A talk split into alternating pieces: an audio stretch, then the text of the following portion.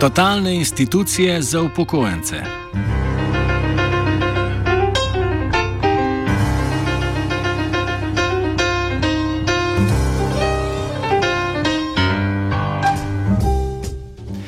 Infantilizacija starejših in institucionalizacija oskrbe starejših sta v starajoči slovenski družbi problematični, bodo danes opozarjali, opozarjali udeleženci okrogle mize v španskih bocih.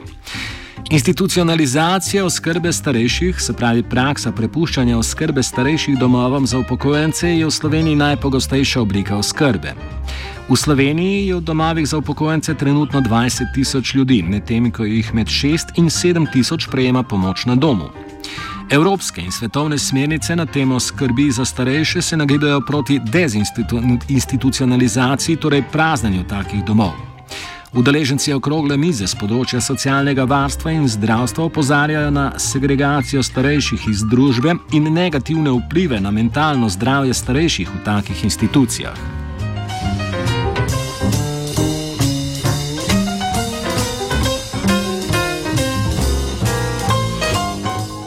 Ljudje, ki so v institu institucionalni oskrbi, se spopadajo z več zdravstvenimi težavami kot tisti, ki so vključeni v neko obliko skupnostne oskrbe. O razliki med življenjskimi dobami prvih in drugih spregovori Viko Flaker z Fakultete za socialno delo. Čisto slučajno so v neki raziskavi, ki so probali primerjati stroške oskrbe v skupnosti, pa v se pravi ljudi, ki, starih ljudi, ki živijo doma in tistih, ki živijo v, uh, uh, v inštitucijo, so pokazali, da je življenjska doba z odhodom v inštitucijo pri primerljivo uh, isto starih z istimi boleznimi in tako naprej uh, ljudeh uh, polovico manjša. V domovih pogosto prihaja do infantilizacije starejših, torej do pokroviteljskega odnosa zaposlenih, ki se kaže v izgubi samostojnosti prebivalcev domov. Flakar domove za upokojence primerja s totalnimi institucijami. Položaj, ki ga dobijo v totalnih ustanovah oziroma v domovih za stare, ne, ni, tak, uh, uh, ni zelo dostojanstven.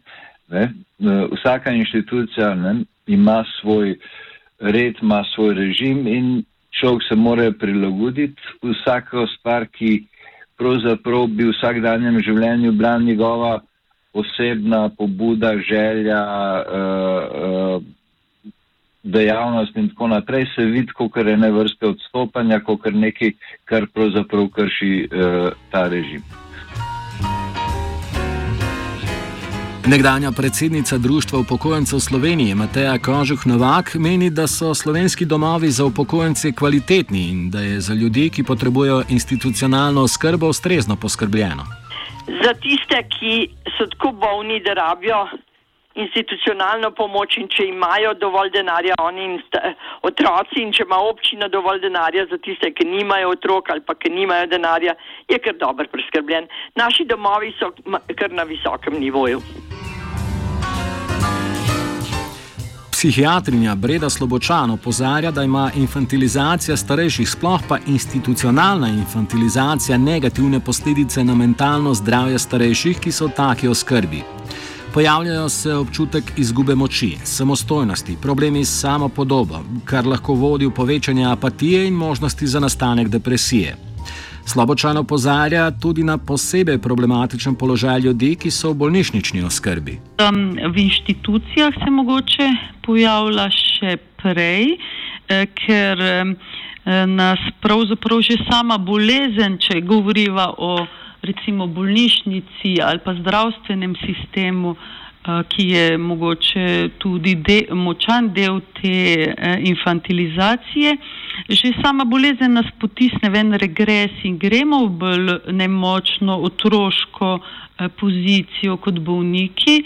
In potem, če si ti bolnik in še star, se pogosto negovalci ali pa osebje teh inštitucij na nek način tudi ne znajde eh, v tem, kako se odzvati na ta regres, ki ga eh, bolnik, še posebej starejši bolnik, ponudi in se pogosto pravzaprav eh, lahko na različne načine odzovejo ali izrabijo moč, ki jo imajo, in je to nekaj, kar je zelo destruktivno.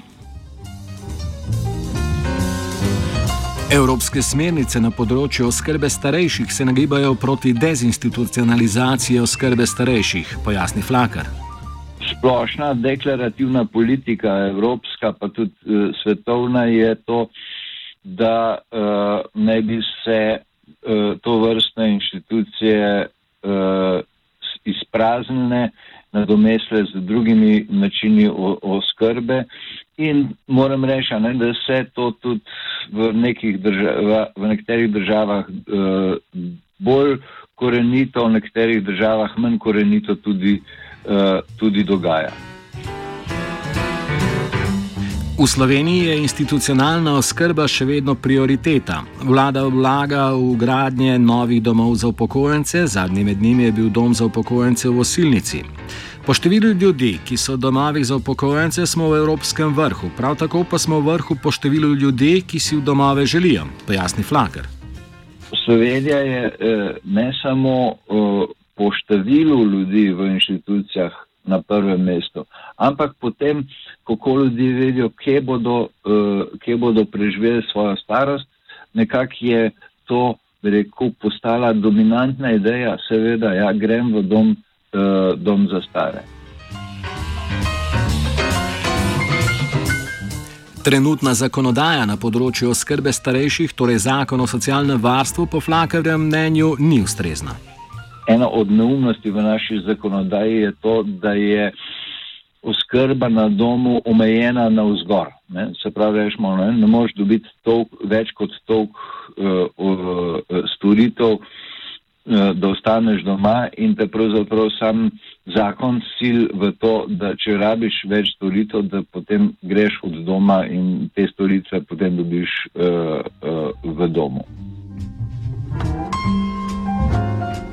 Ministrstvo za delo je decembra 2015 obljubilo, da bo zakon o dolgotrajni oskrbi in zavarovanju za dolgotrajno oskrbo sprejet v največ enem letu.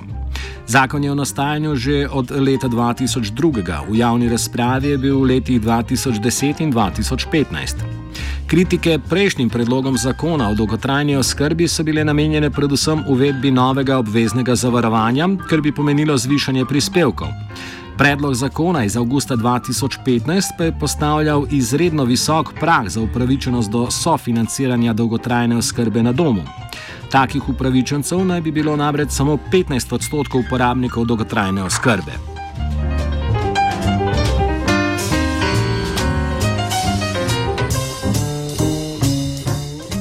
Flaker, ki je pri nastajanju zakona udeležen že od njegovega začetka, pojasnjuje, da bi zakon o dolgotrajni oskrbi in zavarovanju za dolgotrajno oskrbo uvedel ustrezne ukrepe, s katerimi bi imelo več ljudi možnost ostati doma in prejemati pomoč na domu.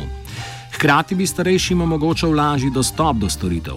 Flaker se zauzema tudi za večjo pogodbeno moč starejših pri izbiranju storitev.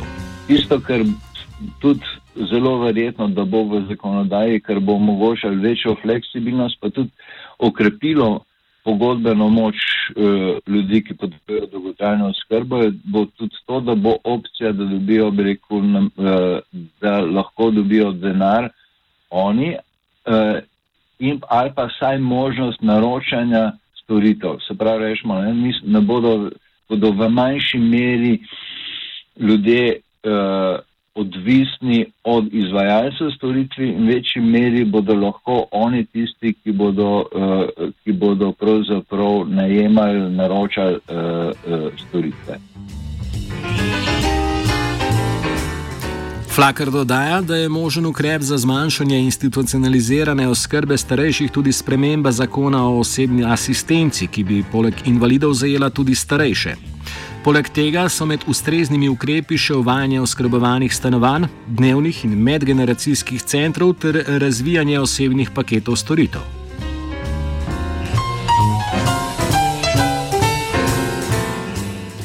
Mateja Kožuh Novak opozarja, da so z Društvom upokojencev Slovenije skušali organizirati starejše prostovoljce iz društva, da bi po celotni Sloveniji pomagali na domu tistim, ki še ne potrebujejo institucionalne pomoči. Ministrstvo za delo jim pri projektu ni bilo pripravljeno pomagati.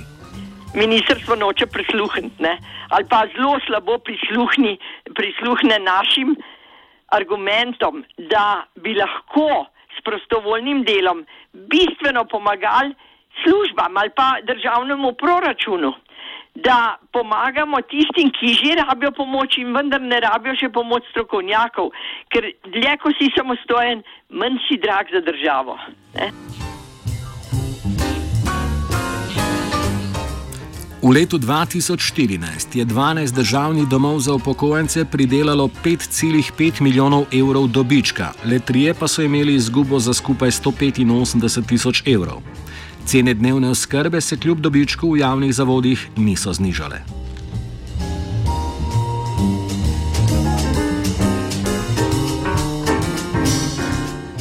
Offside je pripravila Vanka Lana.